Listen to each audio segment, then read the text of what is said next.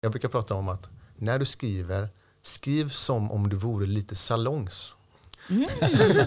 Vad härligt. Det brukar, det brukar alla tycka är roligt. Men med det menar jag att liksom vara lite hög på känslan av att nu skriver jag och får kommunicera med ord med någon och att släppa lite grann. Sen ska du inte vara salongs menar jag, men skriv som om du vore salongs. Och var liksom fri i tanken, Ja. fri med orden.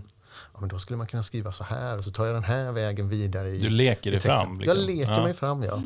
Det, det gör jag. Och det blir liksom som, som allra bäst.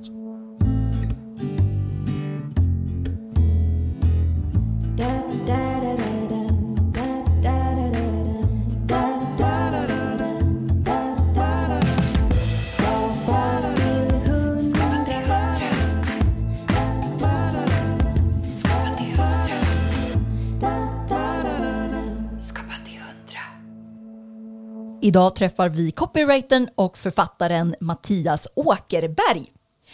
Vi pratar om metoder för att hitta fokus. Om att våga gå okända vägar för att uppnå rätt effekt. Och om varför du borde testa att låtsas vara lite salongs nästa gång du skapar. Du lyssnar på Skapa till 100, podden om det kreativa livet. Jag heter Joel Nyberg. Och jag heter Maja Sönnerbo. Nu kör vi!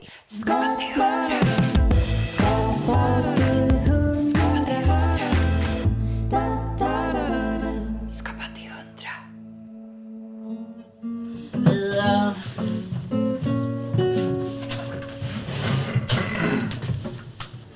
Ja, det finns någon som kan skriva massa ord. Han heter Mattias Åkerberg. Han kommer hit och jag undrar vad han ska tycka av att jag spes. Jag har gjort en liten låt om, att skriva copy. Åh, Mattias Åkerberg. Åh, Mattias Åkerberg. Vi satt där och väntade så började vi komponera en liten eh, melodi. jingel. Det är någonting som man saknar, en låt om sig själv. Exakt, det, det borde man ha varje gång man kliver in. Hej Joel! Mattias, Vi jobbar med jinglar här. underbart. Det här är Ilse. Hej! Ilse! Ja, Hej, vad fint namn! fyller halvåret idag, ju fyra och ett halvt. Mattias Åkerberg är frilansande copywriter och författare. Han konstaterade redan i unga år att livet på reklambyrå kanske inte var för honom. Så istället byggde han sin egen business. Där hjälper han sina kunder att sälja bättre med hjälp av ord och utbildar andra i konsten att skriva. Sedan i våras driver han Copypodden och alldeles nu lanseras hans rykande färska Copyboken. Dessutom är han pappa till den digitala plattformen Rulla Vagn och appen Babynaps. Mattias är helt enkelt en kille som skapar till 100. Varmt välkommen till studion Mattias Åkerberg! Välkommen! Oh, tack så mycket. Vad skönt att eh, ni hisspitchade mig. Det, det är alltid svårt att göra om sig själv, så att jag, Ja. jag, är, jag är glad att ni Visst- Visst var det en la bra grunden. copy? Verkligen. Kanonbra. Kanonbra. Vad är du i för kreativt läge just nu på en skala 0 till 100? Eh, oj. Man kan ju vara kreativ på många sätt. Men just nu är jag liksom verkligen på sluttampen av copyboken. Och då gäller det ju att vara kreativ i att orka ta det där projektet hela vägen i mål. Att inte liksom stanna 100 meter framför för, före mållinjen. Och nöj, nöja sig? Liksom. Och nöja sig nej, och, och, och, och, och tänka att, eh, att eh, ja, ja, det är väl liksom bra nog. Och så kommer man på efteråt att ah, jag skulle ha läst igenom en gång till. Ja. Så jag är i det liksom kreativa läget att jag står ut och orkar med med att det, att det upptäcks ytterligare en, ett, ett ord som fattas Ja. Oj, eller en, en, ett mellanslag som saknas. det låter som det kan ta tid att avsluta den. Ja, det tar ju tid. Och lite grann så är det ju som, en bok blir ju verkligen som en baby. Liksom. Jag, från att tanken föddes till nu har det gått ungefär tusen dagar. Så det är liksom så, så pass lång tid som Ja. jag har arbetat med den här boken. Och, och det blir ju ens baby på något sätt. Eh, så att det, är ju svårt som författare att släppa den ifrån sig ut, i, ut i världen. Jag sitter med en av mina formgivare, Åsa, och vi säger här blir det en liten gles rad. Ja, men, eh, skriv, skriv till eh, jätte eh, framför smart. Så blir det jättesmart och så blir det en, en snyggare eh, Wow, en verkligen. snyggare mening. Det blir inte så gluggigt i, i texten. Så att jag jobbar verkligen ihop med formgivarna. Men Så verkligen är det 90 jag. gritty nu. På, Det är det verkligen. Och det ska jag säga, det är inte min starka sida. Jag är egentligen, måste jag erkänna, en slarver. Det går ofta alldeles för fort för mig när jag skriver. Jag kan tänka att jag skriver ett ord så skriver jag ett annat. Och ibland så innan jag publicerar ett blogginlägg eller jag faktiskt skickar iväg en text till en uppdragsgivare så, så kan jag medvetet missa att läsa igenom det för att jag vill Ja, Ja. De ska Ja. upptäcka det. Ja, nej det... Då känns det alltid lite pinsamt. Kan du inte stava människa? det går undan och det blir ibland och lite oftare än ibland slarvfel. Jag vet ju hur det stavas, så det är ju inte stavfel, men det blir slarvfel. Eh, och det där kan jag tycka är lite, lite pinsamt ibland, men det är som att jag lär mig aldrig. Men jag känner igen det där jättemycket. Jag är ju också copywriter, så vi delar ju liksom eh, eh, yrke. Och jag upplever att jag ibland inte ser det. Alltså, jag, även om det, det kan vara ord som jag kastar om bokstäverna. Alltså det är lite som här, eh, ja, men det är nästan som man undrar, är det, är det något fel på... Men jag måste, liksom, jag måste läsa högt och verkligen superfokusera. Och det kommer inte alls naturligt för mig. Så jag, nej, jag, jag, jag känner igen det där korrandet. Att det, där får man liksom verkligen sätta sig. Okej, nu, nu jädrar ska jag korra. Och att det, Men det, tänk om det är något med er copywriters, att ni liksom är bra på att bygga upp pusselbitarna med texten, men, sen, men ni bryr er inte riktigt lika mycket om stav, bokstäverna. Jo, men det gör man ju också, eller upp, är min upplevelse, att man är ju väldigt petig med exakt vilken nyans det har, eller exakt hur man ska bygga det för att det ska bli perfekt. Liksom. Ja, med orden, Eh. men med bokstäverna då? Jag, jag tror inte att det är något gemensamt för alla copywriters i världen. I boken skriver jag om, eh, om just det där att när du skriver så ska du bara skriva. För när du skriver så jobbar den högra hjärnhalvan. Och Exakt. Det förklarar jag att där bor liksom en kreativ artist. Men så fort du stannar upp och tänker blev det rätt nu? Stavar jag det här ordet rätt? Ska jag skriva hjul eller ska jag skriva däck? När du liksom börjar bli logisk, då flyttar du över arbetet till den vänstra hjärnhalvan. Och där bor Intellekt. istället, ja, bor en- intellektet. Ja. Någon slags det är logisk... kreativt. Nej, det är ju mer liksom av en logisk analytiker. Mm. Och när du hoppar mellan höger och vänster hjärnhalva så, så, så saktar du ju ner Mm. ditt skrivande väldigt. Så att mitt tips där är att när du skriver, bara skriv. Och så får du växla över till vänster hjärnhalva Sen. senare. Ja. Just det. Vet du inte vilket ord du ska välja, skriv båda och så väljer du sen. Eller skriv i fet stil eh, ifall det är ett ord som du är osäker på hur det stavas. Och så bara kör på. Låt liksom höger, höger, höger hjärnhalva eh, jobba. Copywriting är ju väldigt kraftfullt på det sättet att du skriver texten en gång och sen så jobbar den för dig obundet av tid och, och rum egentligen. Skriver du texter på en sajt till exempel så finns ju de där. Vem som helst i hela världen som har internet kan besöka den här sajten när som helst. Och du som har skrivit kan vara var som helst medan de gör det. Så de, jag, jag, jag tänker mig att texterna är ett företags säljare som jobbar dygnet runt. Det har varit väldigt jobbigt ifall man själv hade liksom behövt åka runt där och träffa varje, varje läsare. Ja, men precis. Det hade varit eh, jobbigt om man hade behövt stå där på webben eller svara i telefon hela tiden för de här Precis. alla som undrar vem, Ja. vem man är eller vad man pysslar med och så. Ja, verkligen. Men du liksom känns ju väldigt passionerad kring just copywriting och har liksom massa ingångar, både skriver själv men undervisar och skriver böcker och poddar och allt. Minns du första gången du kände att liksom, wow, det här vill jag jobba med? Jag har inte sådär det här datumet exakt, men ungefär liksom vilken period i, i livet. Jag gick och pluggade medie och kommunikationsvetenskap på högskola och tillhör väl en av de få som har liksom gått alla tre åren. Och de tre åren var väldigt bra för mig. För jag insåg verkligen vad jag inte ville göra. Vad var det som du kände att du inte vill göra? Men jag ville inte jobba med någonting som kändes så tråkigt Ja, faktiskt. trista A4-ark som Ja, men ut.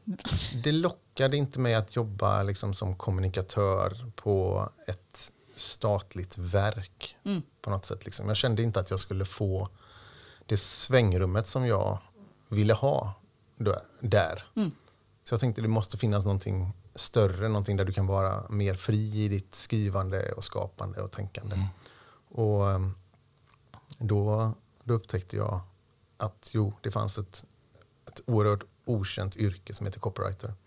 Efter examen så började jag på reklamskola. Var jätteskoltrött eftersom jag hade ju bara Hade pluggat pluggat, hela ja. mitt liv. Liksom. Ja. Så skolkade massor på reklamskolan och startade eh, en blogg som ju Ja. heter Please Copy Me. Kan du inte berätta lite om bloggen för de som inte var med back in the day och läste på Please Copy Me? Eh, ja, men Please Copy Me smög ju liksom igång som ett resultat av den här enorma skoltröttheten hos mig i kombination med den enorma hungern att lära mig yrket. Att jag tyckte att det är så spännande med copywriting. Det här sättet att skriva som är ett kreativt skrivande men också med ett så tydligt mål. Och eh, jag började ju samla allt som jag samlade som annars skulle liksom vara ja, men ett bra citat eller en bra text eller en intervju i tidningen med en copywriter. Så samlade jag allt det på, på min blogg istället och började med ynka fem läsare, mina klasskamrater. Och tänkte att en dag så kanske någon liksom från den där reklambranschen långt, långt där borta upptäcker den här bloggen. Och mycket av det kom ju sig av att jag började hitta personer som var copywriters och börja göra intervjuer med dem.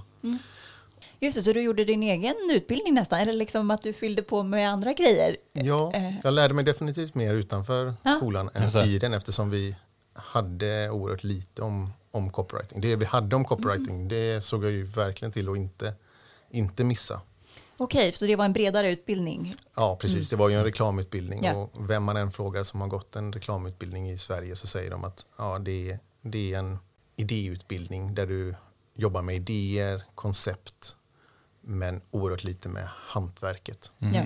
Och hantverket är ju en jätteviktig del. Det är ju också som att utbilda sig lite till, så här, till snickare utan att vara i verkstaden. Alltså att absolut, Mm, du, kanske, ja, men du kanske behöver förstå så här, vad ska man snickra, vad är konceptet eller vad är idén. Men sen måste du ju lära dig att ha, hantera den där hiven också. Exakt.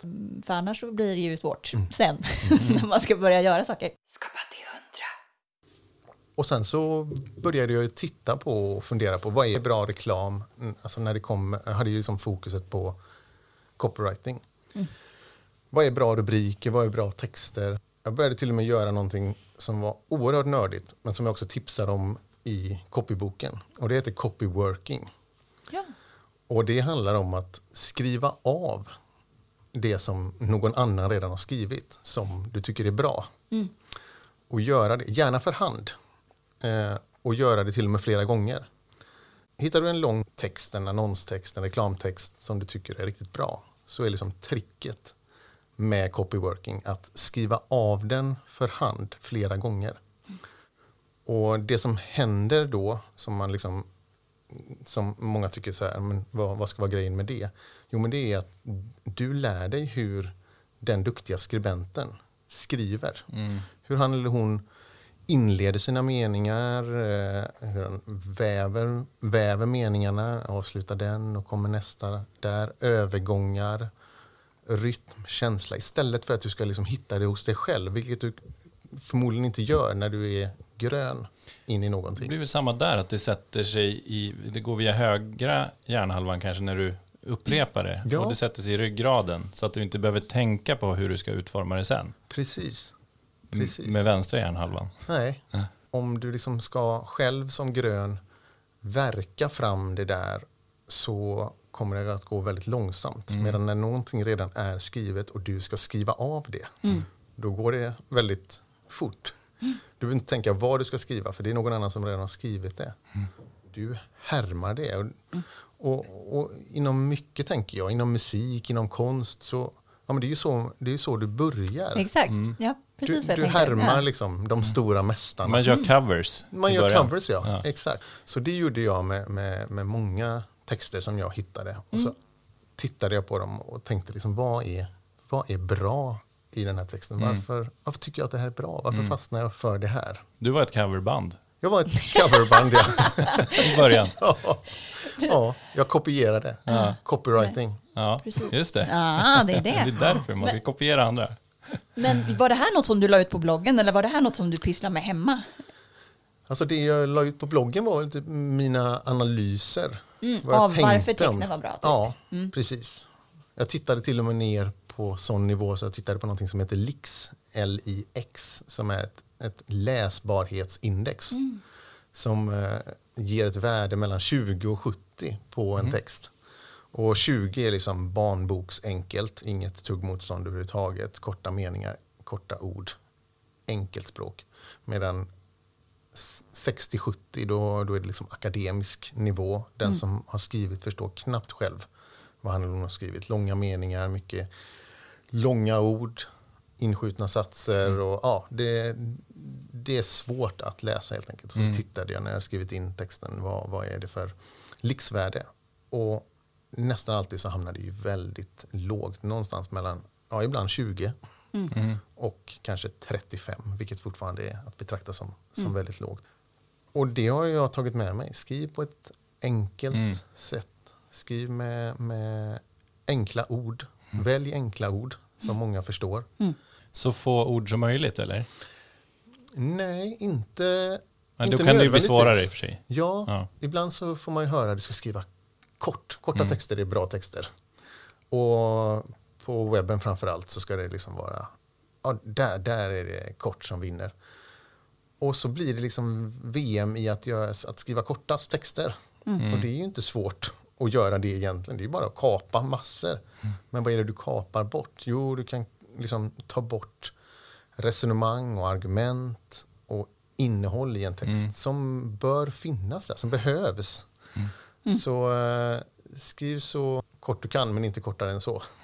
Men det är väl det som är det läsvärt Mm. för, för mottagaren. Då är det ju ingen effort oftast. Nej. Och är den bra skriven så är det ju till och med kanske ett nöje att läsa. Mm. Så det är ju, kanske handlar om textens kvalitet mer av liksom hur, hur lång är för lång. Exakt, exakt. Så länge du skriver intressant och har läsaren med dig så kan du, kan du skriva riktigt, riktigt långt. Mm. Eh, En av Sveriges genom tiderna bästa copywriters, Jan Cederqvist, han har ju sagt det på, på just på det här temat. Tänk på att folk läser ju till och med böcker. Ja. Precis, de är fan inte korta. Nej men det här med enkelhet, det tycker jag är jätteintressant. Jag möter det också mycket hos, hos kunder eller företag. Att det, och jag undrar om det har att göra med skolan alltså. Att det, det verkar finnas en sån vitt spridd uppfattningen om, om att är det komplicerat, är det svåra ord och är det liksom gärna att man, man eh, döljer så här aktören, det vill säga är det jag eller du eller vi som gör det här, utan det är mer så här användandet eh, så att det blir liksom lite formellt och lite luddigt. Att det handlar om någon slags professionalism eller att det man vill uppnå är att vi ja, har så bra koll men att liksom effekten blir tvärtom, att man liksom inte når fram. Eh, har, möter du det också? Ja, det gör jag. Att ett företag är fast i ett, i ett sätt att uttrycka sig, att man har blivit högtravande när man, plötsligt när man ska skriva.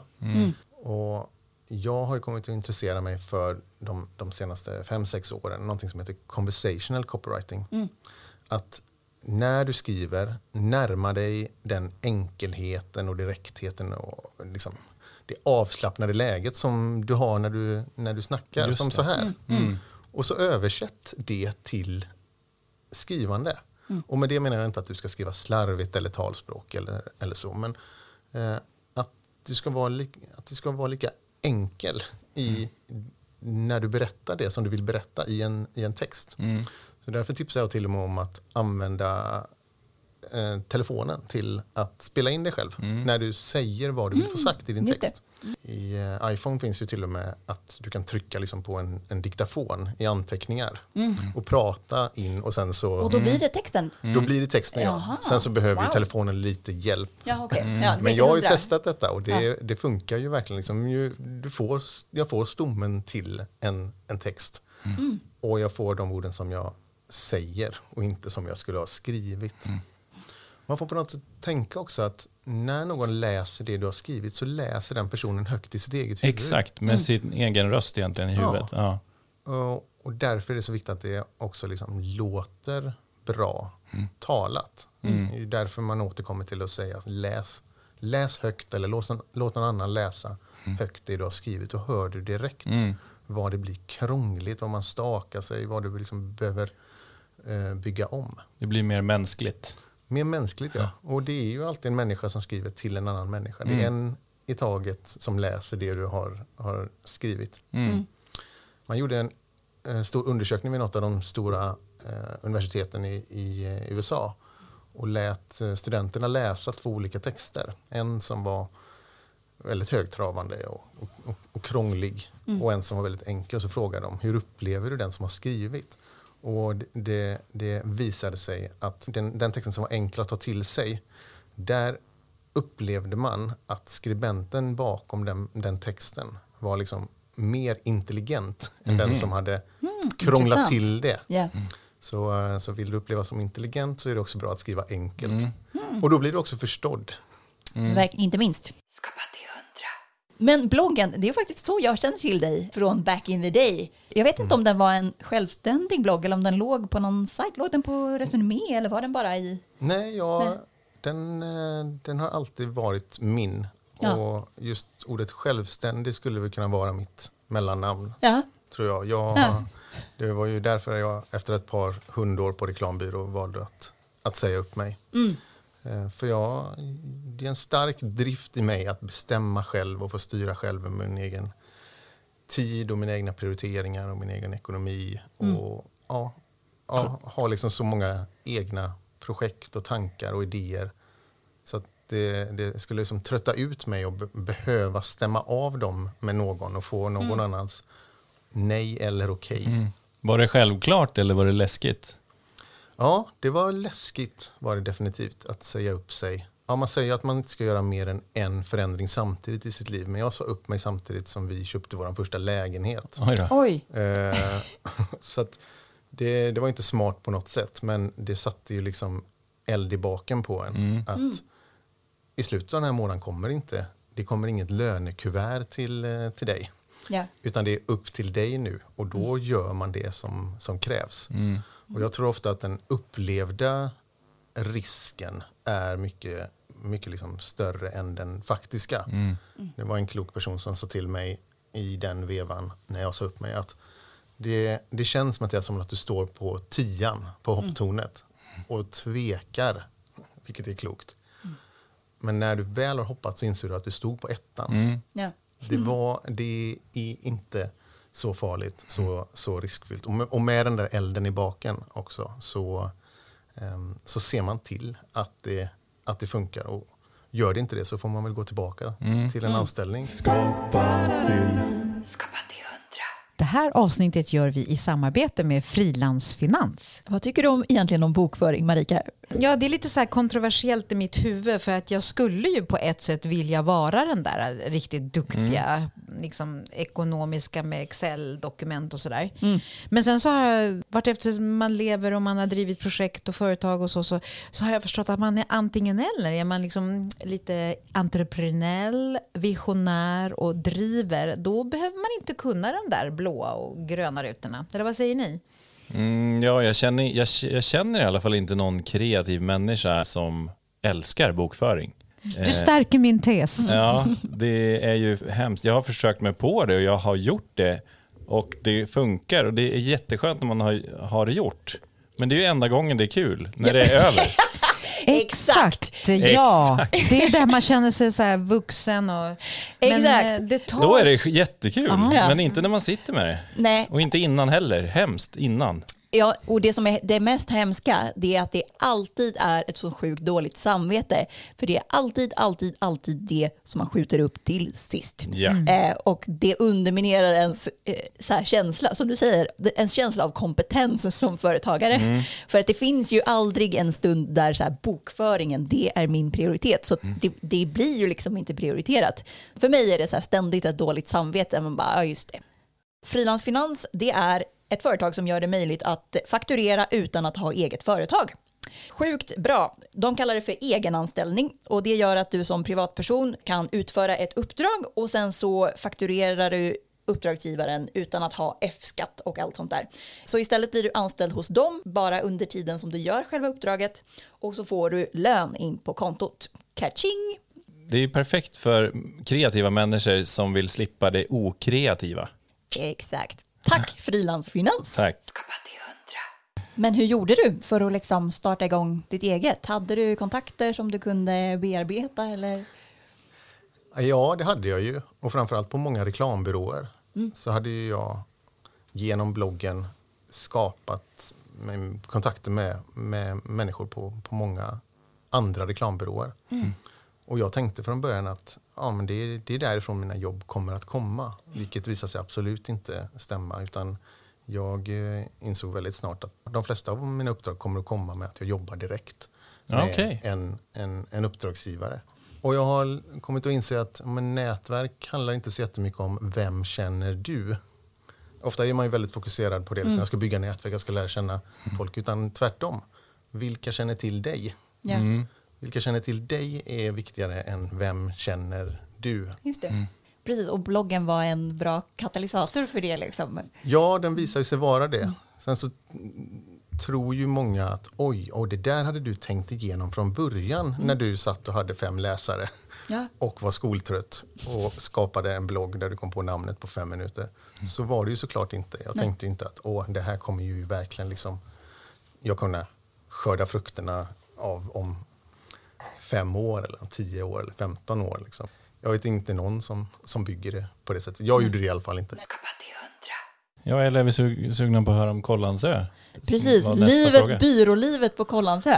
Man tänker ju reklambyrå, då tänker man att det är någon storstad och inte på, på en liten ö eller halvö eller vad är det? En Ja, ö. nej, nu är det. En ö. Men det känns väldigt 2022. Ja, fast vi tog ju det här beslutet redan 2019.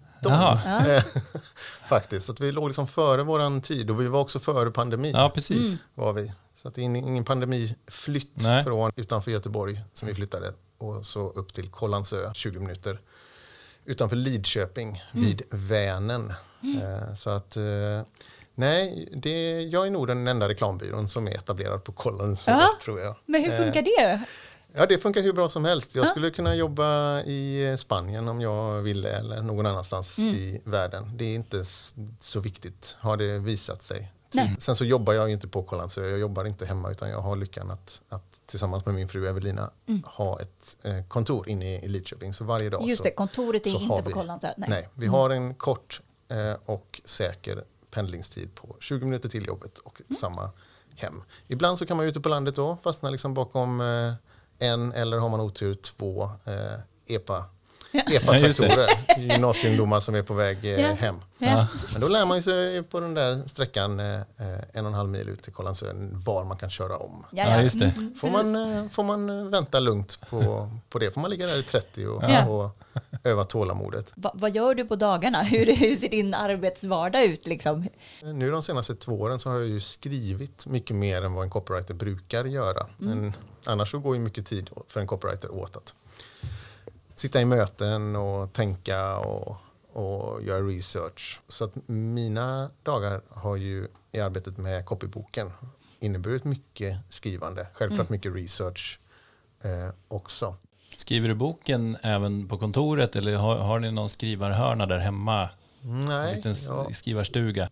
eftersom jag liksom jobbar i det närmaste själv eller liksom delar kontor med, med, med min fru och så har vi vår hund med så får jag ro att, att skriva på kontoret. Så eh, jag har, jag har ingen kollega som plötsligt liksom vill småsnacka bort en Nej. kvart, 20 Skönt. minuter. Det tycker jag är jätteskönt. Jag gillar ju att vara fokuserad. Jag jobbar ju mycket med, fokuseringstekniker för att eh, jag skulle bli så stressad ifall jag allt för ofta kände att "Ja, men nu är klockan fyra och jag har inte liksom börjat med de där texterna eller uppgifterna som, som jag ska göra. Så jag jobbar med en teknik som heter Pomodoro. Ja. Känner ni till den? Jag har hört talas om bara. ja, vi har haft en annan gäst som tipsade om den, men det var Ja, väldigt länge sedan, så ta den igen. Vem Ja. var det? Eh, Andreas Rodenkirchen pratade om det, men det var så avsnitt fyra tror jag, och nu är vi långt, så det är två, två år sedan. Psykolog? Eh, ja, bland annat. Mm. Härligt. Passar alla yrken skulle jag Ja. säga. Och Pomodoro då, för att dra det igen, är ju en fokuseringsteknik där du arbetar fokuserat i 25 minuter. kan tänka att du, liksom, ja, du sätter en klocka på 25 minuter och när den ringer då har du fem minuters paus. Och då är det viktigt att upp på fötterna, rör på dig, ta en paus bort från skärmen. Och när de fem minuterna har gått så börjar en ny sån här 25 minuters period. Och en sån halvtimme kallas en pomodoro. Så efter tre, fyra pomodoros som du har gjort då så kan du belöna dig med en 15-20 minuters paus. Och det har verkligen liksom hjälpt mig att under de här 25 minuterna fokusera på en grej och det har gjort att jag har känt mig liksom att jag kommer framåt, att jag får rätt saker gjorda. Annars så, ja det vet ju ni också, det är så lätt att slösa med sin tid. Och man pratar ju om att tid är pengar. Och det känns ju verkligen så här, man, man kan slösa med, med tiden. Men det känns inte så bra när man inser att arbetsdagen börjar lida mot sitt slut. Nej. Och jag har inte fått gjort det jag ska göra. Det tror jag skapar mer stress eh, hos, hos folk än att det är mycket att göra. Ja, Precis. verkligen. Ja, precis. Och det handlar om också typ om en inre tillväxt. Även om man är egenföretagare så är det ingen så här arg chef som kommer efter en och bara vad, vad, nu, vad har du gjort idag på jobbet? Så känner man ju själv att man är ju inte så nöjd kanske. Man går inte hem och känner att åh vad skönt, nu kan jag ta kväll. Ja, men det är väl det som är en negativ stress, att man inte har fått till, man har jättemycket att göra, men man får inte till det. Nej. När man gör det, då är det ju positiv stress. Om man inte jobbar liksom eh, 18 timmar i sträck. Och jag menar ju att Pomodoro-tekniken kan användas till väldigt mycket. Eh, när jag har utbildningar heldagar i skrivande så, så jobbar vi med den tekniken. Och på 25 minuter får deltagarna skrivit jättemycket. De blir typ klara med en text. Ja. Jag ger dem en uppgift. Nu har ni 25 minuter på er. Men liksom när, man, när, när man har jobbat i redan 5-10 minuter så upplever många att så här, vad skönt. Jag har ju stängt av mail och jag har stängt av, lagt bort telefonen. Det finns ingenting som stör. Jag ska bara fokusera på det här. Många frågar mig, ska jag, ska jag verkligen bryta ifall jag känner liksom att jag är på gång efter 25 minuter? Jag säger ja, bryt. För att då kommer du vara liksom sugen och het och Då starta hoppa in igång igen. nästa Ja. gång. Smart. Ja, precis. Men när Pomodoro-tekniken, förutom liksom skrivandet, så funkar det ju väldigt bra med att eh, utbilda 25 minuter i stöten har jag upptäckt. Mm, just det. För sen så börjar liksom, hur intressant det än är, så börjar liksom energin gå ner och man börjar tänka på, jag kanske bara ska kolla mejlen. Just det. Eller göra någonting annat. Så att efter 25 minuter så bryter jag. Fem minuters paus, vi ses om fem minuter. Exakt den här tiden kör vi igång så kör vi 25 minuter till. Och även möten tänker jag, som ofta blir en timme och en kvart, 20 minuter. Bara för att det är så trevligt att ses.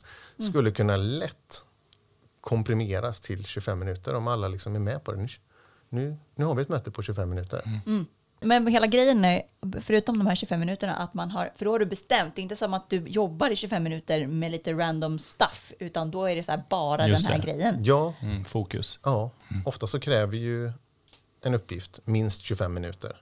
Så att det, är- det är inte så att jag samlar och gör lite olika grejer. Och det går till och med liksom att lägga på ett lager till på det här, någonting som kallas för timeboxing.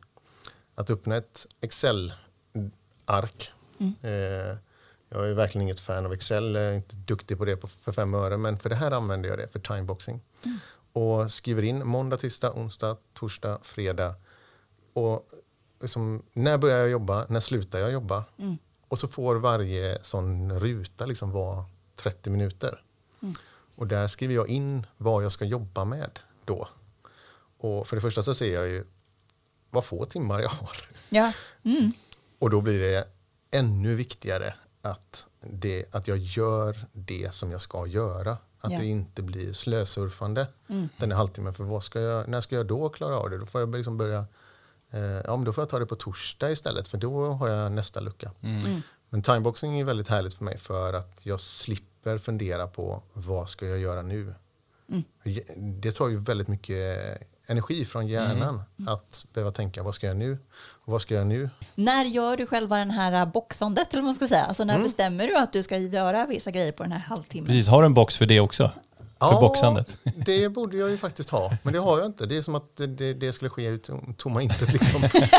Eh, men det är en bra fråga och svaret är, på, på den är i den, liksom, den bästa av världar. Nu är jag människa också, så jag Ja. lyckas inte alltid med det.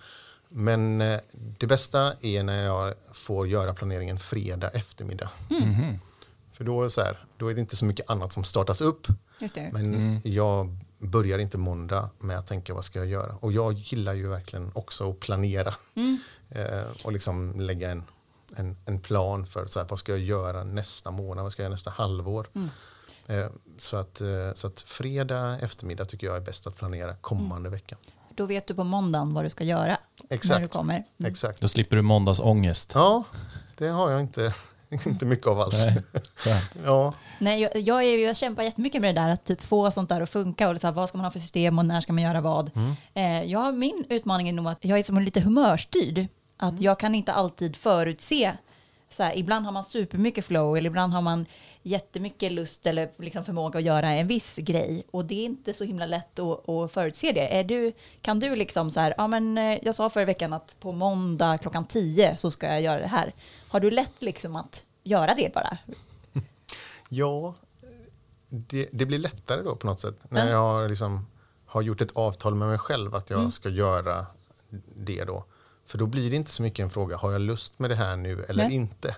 Nej. Utan nu har jag bestämt att jag ska, ska göra det. Sen så kan det ta lite tid innan jag hittar liksom lusten Mm. i det. Alltså det är inte så att man byter varje, varje liksom 25 minuter till en ny uppgift. Ibland kan ju någonting få, få ta tre timmar. Mm. Då kan det ju ta kanske en, två pomodoro-perioder innan, innan jag kommer in i det. Mm. Men att eh, det, det är lätt att rolighetsprioritera kallar jag det. Mm. Vad vore kul nu? Ja, Och så blir det det hela tiden för att man blir så bra på att rolighetsprioritera och mindre bra på att viktighetsprioritera i vad, vad är det som jag har bestämt att jag ska göra nu för att deadline är på torsdag. Så att jag, jag, gör jag någonting roligt nu så bara skjuter jag det där. Liksom. Hur jobbar du med notiser och så i telefon? Har du notiser på mailen och sms kanske? Nej, nej jag, har, jag, har, jag har typ inte en enda notis Ja, i- men samma här, jag stängde i, av det för i ett par år telefonen. sedan. Det är, Ja, det är väldigt skönt. Och så går man in och kollar när man har tid. Liksom. Precis, och inser att aj, aj, in, inte så jättemycket har hänt. Ja, men det blir ju, liksom, det blir ju eh, den här konstiga grejen att ja, men det senast inkomna skulle vara det viktigaste. Precis. Och det måste jag agera på nu. Men kopplat till det här, ehm, vi brukar fråga våra gäster om vad de har för kreativ diagnos. Om man ska beskriva sin eh, kreativa personlighet. Oj, jag, jag, jag säger ju igen att jag har en sådan diagnos. Det är ju Ja. underbart att vara kreativ. Ehm, jag skulle säga att den är påhittad. Det är ju mesta som är påhittat. Ja. Eller allt är väl påhittat. Ja, absolut. Eh, och jag är ju som mest kreativ när jag skriver. Alltså det tycker jag är...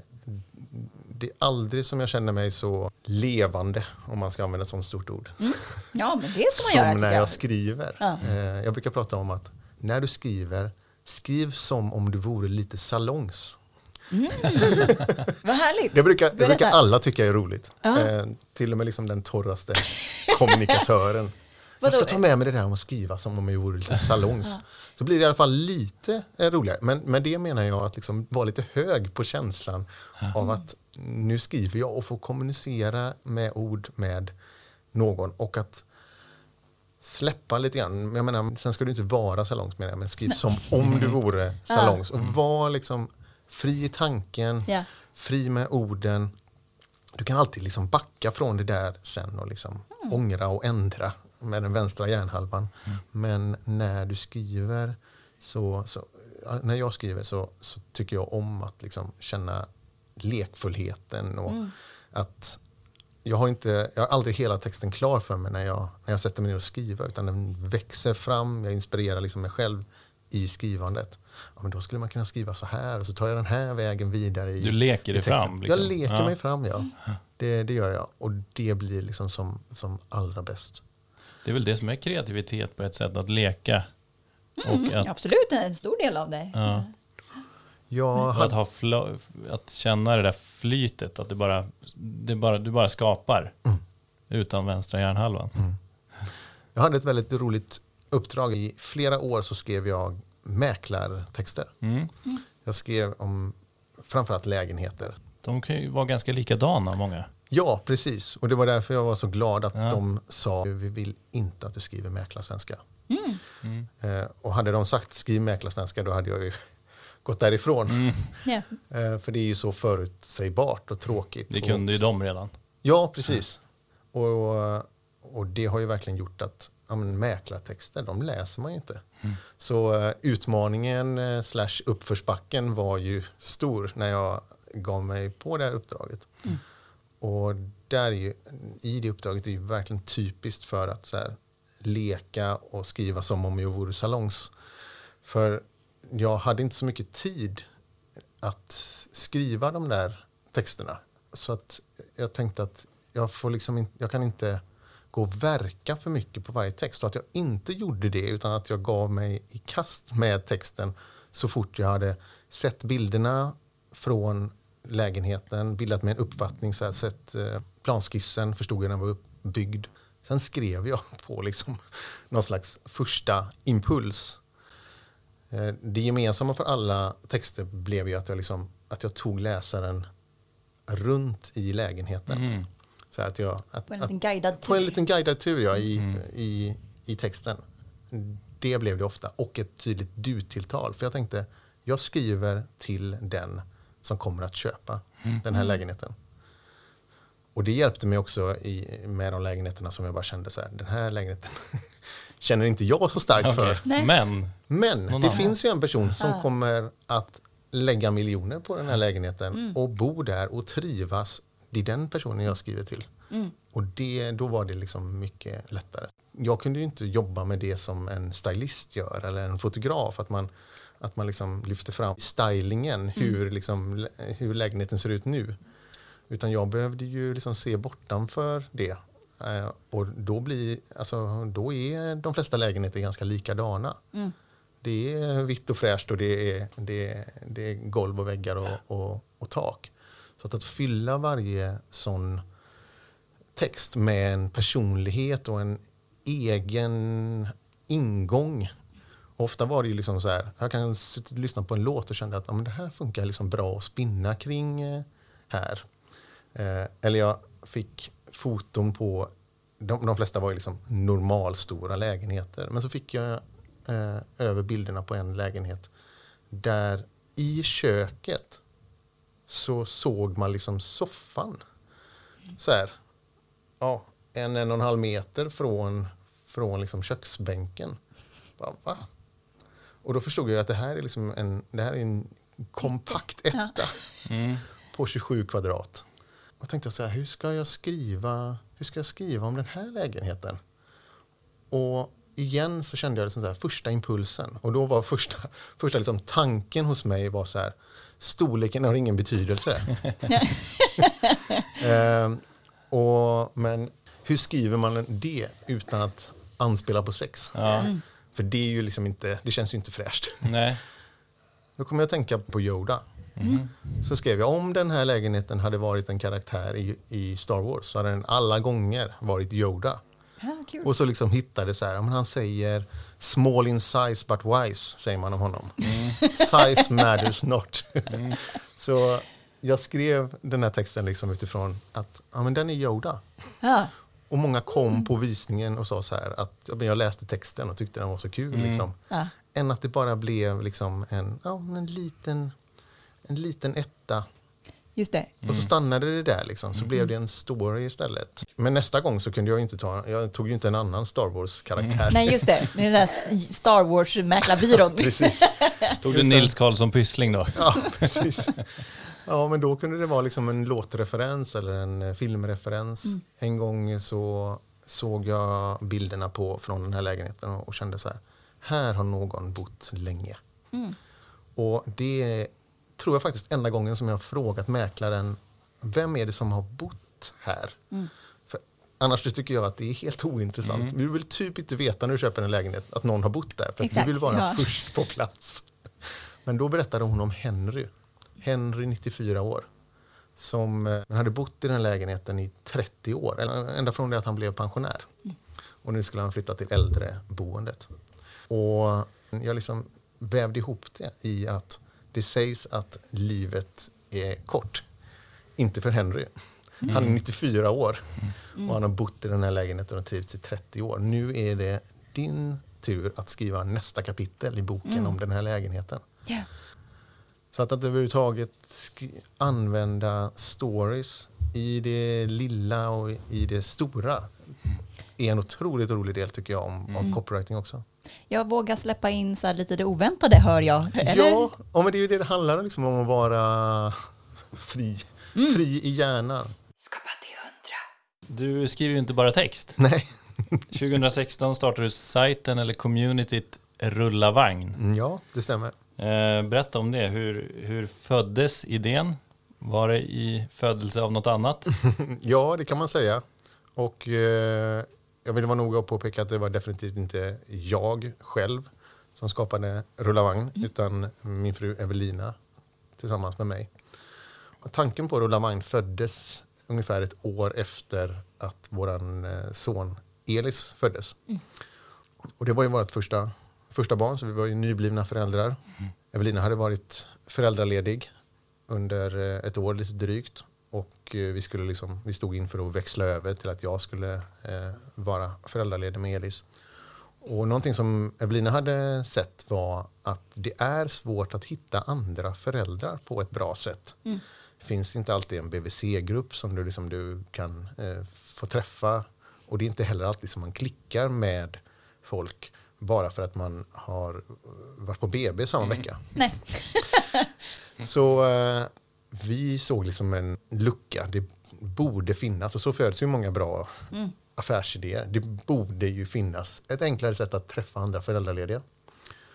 Så eh, vi kom på det en kväll när vi satt och tittade på tv och stängde av tvn och tänkte men då får vi använda de två timmarna vi har på kvällen när Elis har somnat till att bygga rulla vagn. Och två månader senare så lanserade vi den här sajten.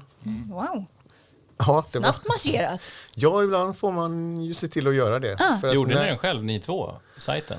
Vi tog nog in eh, lite hjälp för att liksom bygga den rätt, men vi, vi, eh, vi var väldigt mycket föräldrar Ja. till den. Vi bestämde hur det skulle se ut och vad det skulle stå och allting. Och sen så har vi redan liksom från då och framåt valt att samarbeta med duktiga, kompetenta personer som, som kan göra sitt bättre än vad vi kan. Men, men är liksom dirigenter i det och Evelina inte minst. Men vad, är hon, vad har hon för yrke? Har ni, är hon också reklamare? Eller vad? Nej, det är hon inte. Men vi, eh, ja men där på högskolan där jag liksom, eh, där jag insåg vad jag inte ville bli. Där korsades våra vägar. Vi Ja. var klasskamrater på högskolan för eh, 20 år sedan nu. Men har sen gått lite olika vägar rent liksom jobbmässigt. Vi har hållit ihop i alla år som ett par. Ja. Två år efter att vi startade Rulla Vagn så kunde hon säga upp sig från, från sitt, Vad sitt jobb och liksom vara vd och liksom den som verkligen driver Rulla Vagn på heltid. Men det är en Oj. sajt där man både kan hitta andra föräldrar Ja. och så är det innehåll kring att Precis. vara förälder För- typ. Ja, väldigt snart så insåg vi att de här grupperna som går att skapa eller går att gå med i, de, de rullade på väldigt mycket av sig själva. Vi godkände dem och liksom administrerade dem, men, men de skötte sig själva och de skapade sig själva. Så att, eh, ganska snart var de liksom hundratals grupper runt om i hela Sverige. Eh, och då insåg vi, vad mer behöver man som nybliven förälder? Jo, man behöver kunskap. Då började vi att skriva artiklar tillsammans med, eh, med liksom experter som vi tog in så att det verkligen liksom var bra, stabila råd. Och ekono ekonomiskt, är det eh, reklamintäkter eller medlemsavgift? Eller? Nej, det är inte medlemsavgift. Så vi har aldrig någonsin tagit betalt av föräldrar. Mm. Och däremot så insåg vi att det här kommer vi inte kunna driva länge. Vilket man inte kan med någonting egentligen. Om det inte finns en intäkt på det. Det som är roligt i början är inte lika roligt efter ett halvår. Nej. Eh, Så väldigt tidigt var vi klara över att vi behöver eh, en inkomstkälla på detta. Så våra intäkter kommer från årslånga samarbeten med ett fåtal utvalda, noga utvalda varumärken som vi känner att vi vill jobba med och skapa innehåll tillsammans med. Snyggt. Så vi väver in våra samarbetspartner i det redaktionella innehållet. Hur spred sig Rullavagn? Alltså från, er, från ert vardagsrum liksom, Ja, till alla de här personerna? Eh, vi har ju jobbat både digitalt såklart, liksom, med att eh, ja, men sajten med innehåll handlar ju om att bli hittad på, på en Google-sökning till att vara aktiva i sociala medier själva. Men också så, så insåg vi, vad finns det mer för liksom, ställen där som är liksom viktiga, där man eh, vänder blick, dit man vänder blicken när man är gravid eller nybliven förälder? Jo, anslagstavlan på MVC Ja. eller på BVC. Alltså den fysiska... Den fysiska Anslagstavlan. anslagstavlan, ja. Jag känner ju Back inte to- till den. Back to Nej. basics. Men där liksom tittar Wow. man så här, vad finns det för liksom, eh, kurser för amning som kommer och liksom eh, eh, ja, men man är ju liksom öppen för allt liksom. Och som nybliven förälder så har man ju också mycket tid. Så skrev du en sjukt bra intresse. copy till anslagstavlan. Ja, det, eh, jag minns egentligen inte vad den, den var. Ibland är liksom den bästa copyn inte den mest så här, knorriga heller. Nej. Det har sagts att, att eh, den, den bästa copyn för så här, har du hästar att sälja så skriv hästar säljes. Ja, Ja. Svårare än så är det inte. Nej. Hur håller du skaparlusten vid liv? Oj, det var en bra fråga. Jag tror att jag liksom har en mix mellan att så här, vara kreativ och få inspiration och att inte få det. Eh, och någonting som jag verkligen liksom har hittat när vi har flyttat ut till vår ö på Kållandsö är ju att jag har ju så super, supernära att bara liksom kliva ut och vara i skogen. Och numera har ju vi också en, en, en hund hemma. Och hon ger ju en skäl att gå ut i alla väder. Ja. Så jag gillar att liksom gå och ströva i, i skogen. Mm. Ehm, och den där liksom mixen mellan att hjärnan eh, får jobba och ta in eh, och att, att bara liksom gå, gå ut där och liksom vara. Sen så fortsätter ju hjärnan att gå ändå. Det, det tror jag liksom är det som gör att jag fortsätter att tycka att det är, är kul. Sen så tycker jag livet är ju kul. Det, är- det är ju en rolig, rolig resa att få vara med på. Men apropå det där med hunden och alla väder. Jag jobbade från min sommarstuga i ett och ett halvt år under pandemin. Och då hade jag en sån här rutin att jag gick till jobbet och från jobbet fast jag jobbade och sov på samma, i samma stuga. Klokt. I alla väder. Och jag kom på alltså, vi, vad, vi, vad njutbart det är att gå i november. Det är jättemörkt och det är höststorm. Eh, när man väl är ute. Och Det känns att man lever och så när man kommer in så känner man sig levande och eh, skapar man känner skaparglädje ofta. Verkligen. Jag gillar den där känslan av att så här, ingen annan är ute och går nu. Mm. Alla andra väljer att vara inne. Vill du tipsa våra lyssnare om något som inspirerar dig? Eh, ja, det är inte för alla. Men Nej. för den som det är så är det ju eh, väldigt bra tycker jag att kolla upp en man som heter Dan Lock. Han är en hejare på det här med att bygga bolag och han har också sin grund i copywriting vilket jag tycker ju gör honom ännu mer intressant. Han är superduktig på försäljning och digital närvaro och allt det och han skapar massor med innehåll och kurser kring detta. Så ofta så gillar jag liksom när det är tyst, när jag inte tar in någonting under mina promenader i skogen. Men jag har också använt många promenader till att liksom lära av den här Dan Lock. Alltså Dan och så Lock stavas L-O-K. Vi får lägga ut i våra kanaler. Yes. Det är en grej. Och det andra tycker jag med barn så se, fin, finns det så många fantastiska b- barnfilmer att se. Som inte bara är barnfilmer utan för hela familjen verkligen. Så det uppmuntrar jag alla till. Man kanske har liksom syskon, syskonbarn. Ja. Att sätta sig och kolla på fantastiska filmer som Encanto eller eh, Luca. Och det finns många fina filmer från, som kommer från, eh, som görs i Kina nu också. Eh, Yeti heter en av dem som utspelar sig runt Himalaya.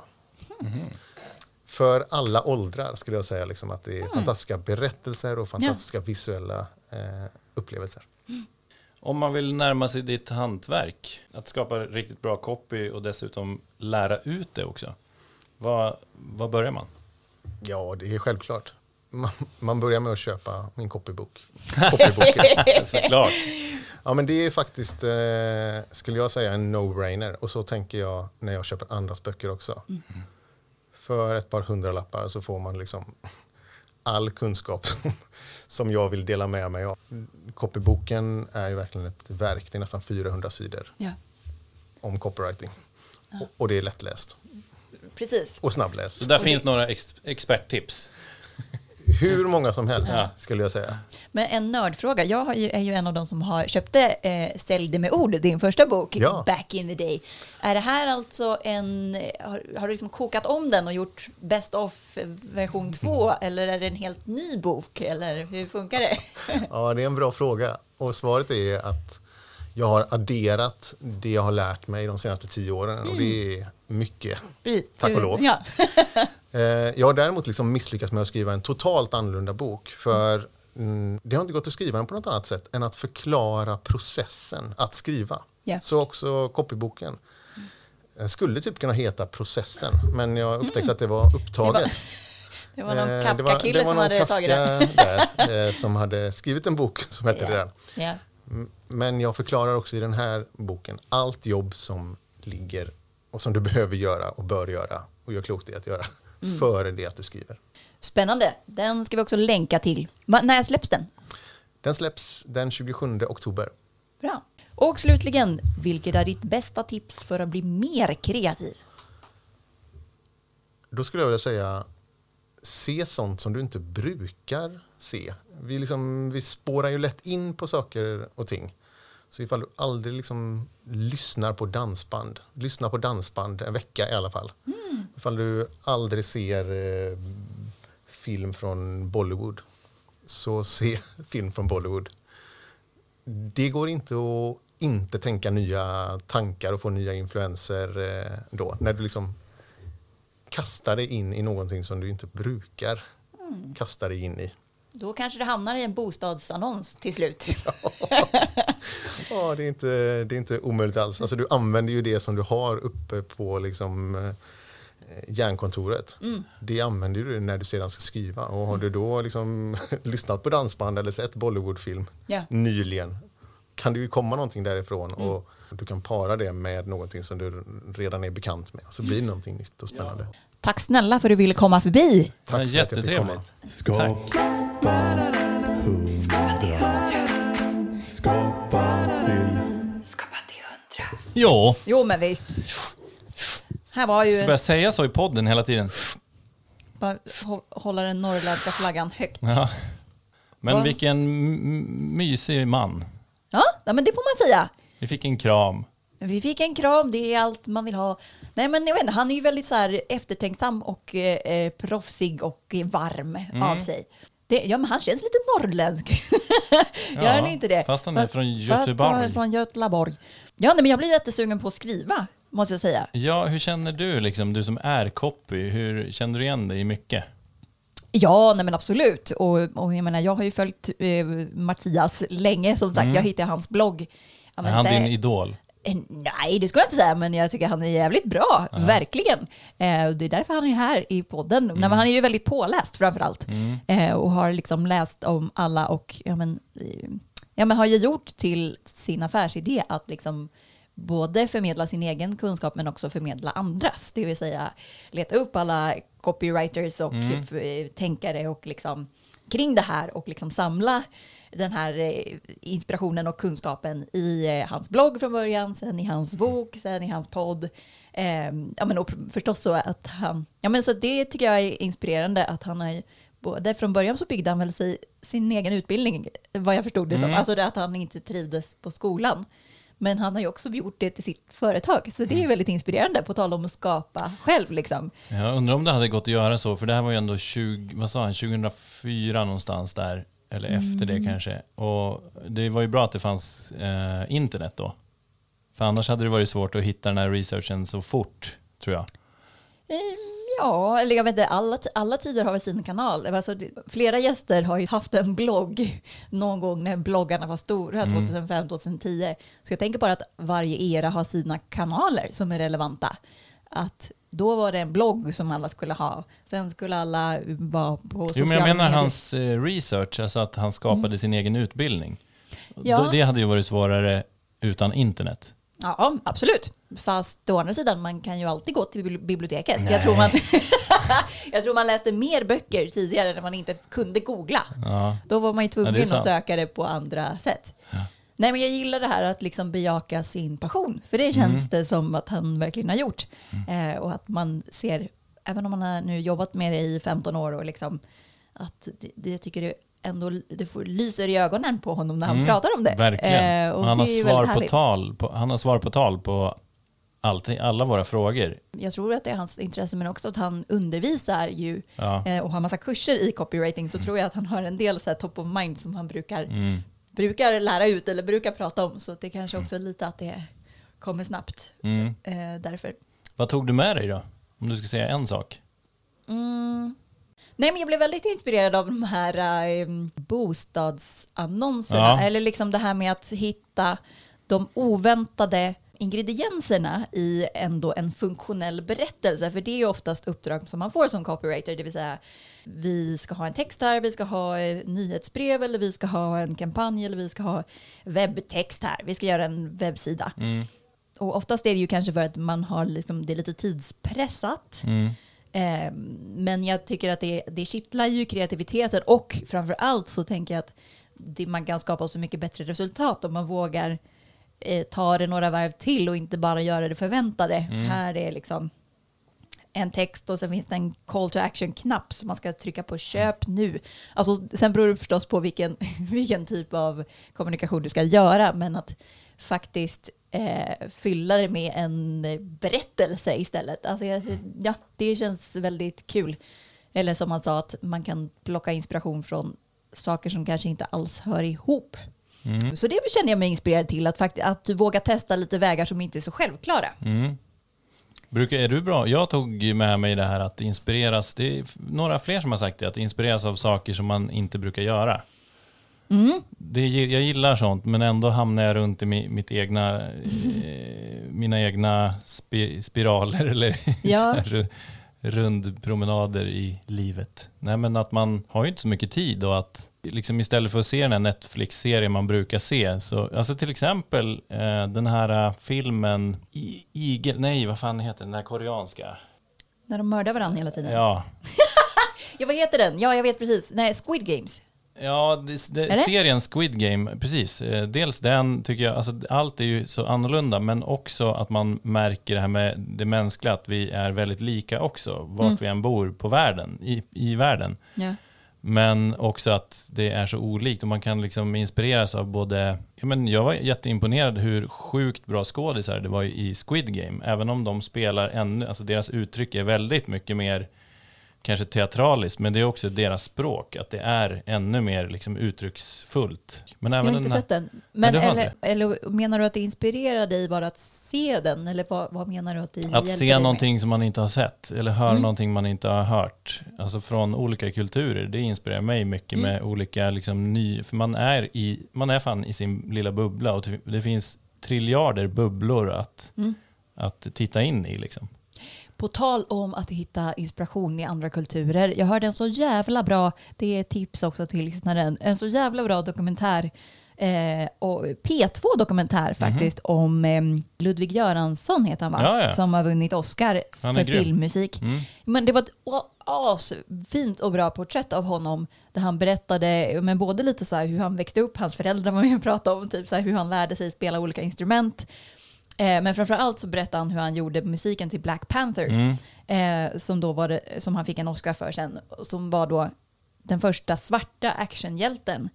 Så då blandade han liksom eh, amerikanska sound och så afrikanska traditionella instrument. Och han åkte till olika länder i Afrika Mm. Ja. och liksom, ja, men, hängde med de musikerna och lät dem spela och liksom lärde sig om hur använder man det här och hur olika Det här stammar. instrumentet ja. Ja, men olika instrument men också olika så här, seder liksom, i hur Mm.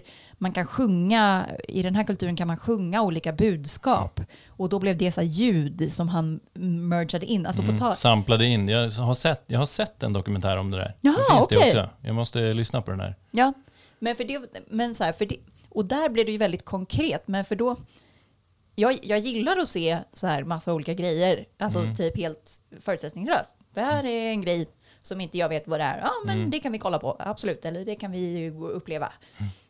Men det är ju sällan man ser så här typ den direkta kopplingen till typ ett kreativt projekt. Och att det kanske inte behöver, man kanske inte alltid behöver se det, utan det är bara att man samlar på sig erfarenheter Mm. av massa olika grejer.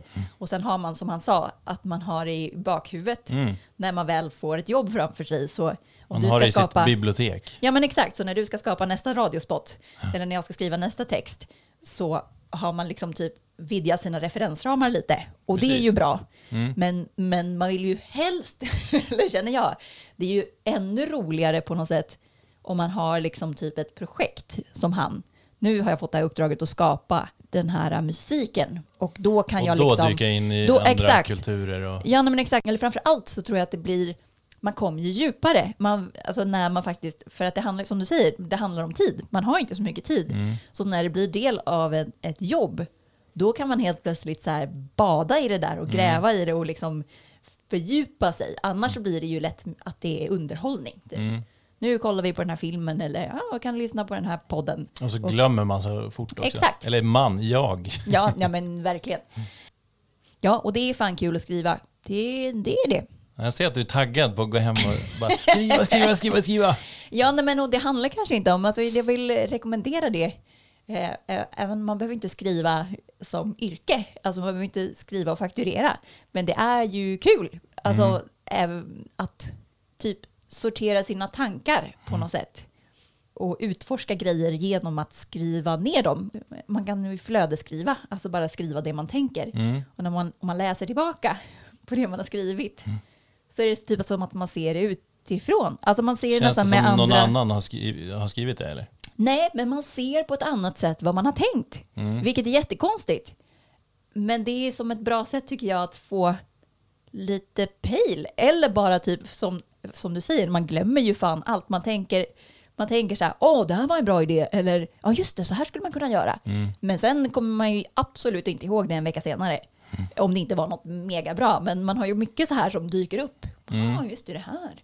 Det, det ger mig någon slags eh, tillförsikt i att man så dokumenterar saker. Inte för att jag gör det maniskt hela tiden, men det är någonting att man kan hitta sina egna bra idéer genom att skriva ner det. Sen skriver man ner en massa skit också.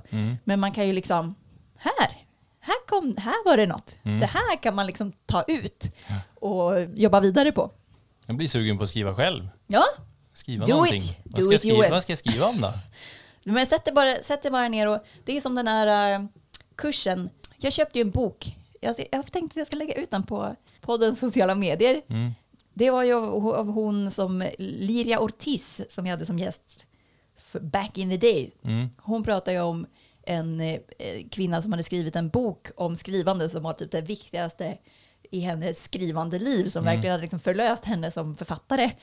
Har du läst Eh, den? Julia Cameron heter hon. Jaha. Eh, nej, jag har inte läst den boken, men jag blev tipsad i ett annat forum som jag är med i om en bok också av Julia Cameron, men som var liksom en kurs i kreativitet. Och då är en av eh, liksom övning, grunden i kursen är att man ska skriva morning pages. Just det. Och det gjorde jag ett tag och sen så typ glömde jag bort, eller jag glömde inte bort, jag valde bort det snarare för att jag hade så jävla mycket på jobbet. Men jag Mm. kanske ska börja med det igen. Men det handlar ju om att skriva, bara skriva tre handskrivna sidor. Just jag det. översatte det till en datasida för att jag skriver i dator. Men liksom bara fylla en, och ibland, vissa dagar går det jättesnabbt och i vissa dagar går det lite trögt. Men hela grejen är att man får skriva vad skit som helst. Eh, men det är typiskt sån där att man, dels får man igång vanan med att skriva, men framförallt så ser man vad man tänker på. Är inte det svårt på morgonen? För på morgonen har du ju inte influerats av någonting än, förutom dina på drömmar. grejer. Ja, men jag tänker att det vore lättare på kvällen att skriva av sig. Att då har man Mm. fått så mycket intryck på kväll, alltså under dagen, så att man har saker man tänker på och har reflekterat över. Jag tänker på morgonen är, är man ju lite nystartad. Ja, jag faktiskt inte, jag vet inte om det finns någon syfte med det. I och för sig, det skulle typ passa mig bättre i mitt liv att skriva på kvällen. Det, då blir det lite, re, inte rehab, vad heter det? Det blir lite mer som dagbok. Ja, och lite självreflektion typ. Mm. Jo, men det blir det nog ändå, fast du har kanske rätt i att det ligger närmre till hand det som har hänt. Mm. Ja, för, ja precis. För vissa dagar så har det blev, blev det lite så här, jaha. Ny Eh, dag. Och ja, så är Ny dag, möj, nya möjligheter. Ute är det lite soligt idag. Alltså Ja, verkligen så asytligt och Ja. handlar inte om någonting. Nej, exakt. Så testa på kvällen. Innan du går och lägger dig. Innan du somnar, för då skriver man, tror jag också, av nu. Jag bara eh, kör nu. Men, Du, du, du skapar en egen kurs här. Ja. Nej, men jag kan tänka mig att då skriver man ju av sig saker man eh, kanske ligger och tänker på när man ska somna. Så att man inte tänker på dem. Mm. Ja men precis, göra en sån brain dump. Ja, precis. Men det är väl det så man gör, heter. ja. Brain dump. Ja, det är bara ut med hela skiten. Ja. Gillade du det här samtalet så ska du eh, klicka på prenumerera i din poddapp så att du inte missar nästa avsnitt. Eh, och du kan numera faktiskt också recensera poddar i Spotify. Visste du det Joel? ja. Ja, Ja. Det, har- det har väl kommit till ganska nyligen? Eller är det jag som är helt efter? Nej, det jag lärde mig det av dig för två veckor Ja, sedan. det är bra. Jag har sagt det. Vad bra. Ja. Nej, men precis. Men det går inte om man inte har lyssnat på podden i Spotify, så man kan liksom Asså. inte fubba. Så det är faktiskt våra lyssnare som recenserar. Så brukar du lyssna i Spotify så får du gärna lämna fem stjärnor där till oss så hjälper du till att sprida podden. Ja. Och, i, och i andra appar, podcaster till exempel, Mm. så kan du också recensera. Skriv en liten recension så får, eh, syns podden för fler potentiella lyssnare. Mm. Och vi blir glada. Vad, vad är våra slutord? Alltså jo, dagens bästa tips. Man behöver kanske inte skriva, men man kan skapa och låtsas att man är lite salongs. Mm. Det tycker jag var jättekul tips. Det ska jag definitivt gå hem och göra. Lite gladare, lite mer avspänd, lite mindre filter. Typ. Så borde man ju leva hela livet. Ja. Lite salong. Var, låtsas Ta, att man är lite inte, salongs. ta, det inte så, eh, ta det inte så hårt. Exakt. Det är bara Ceylon. Men var inte salong hela livet. Utan... Nej, nej, nej. Det är ju låtsas var det. Exakt. Man kan vara lika glad ja. ändå. Skapa 100. Skapa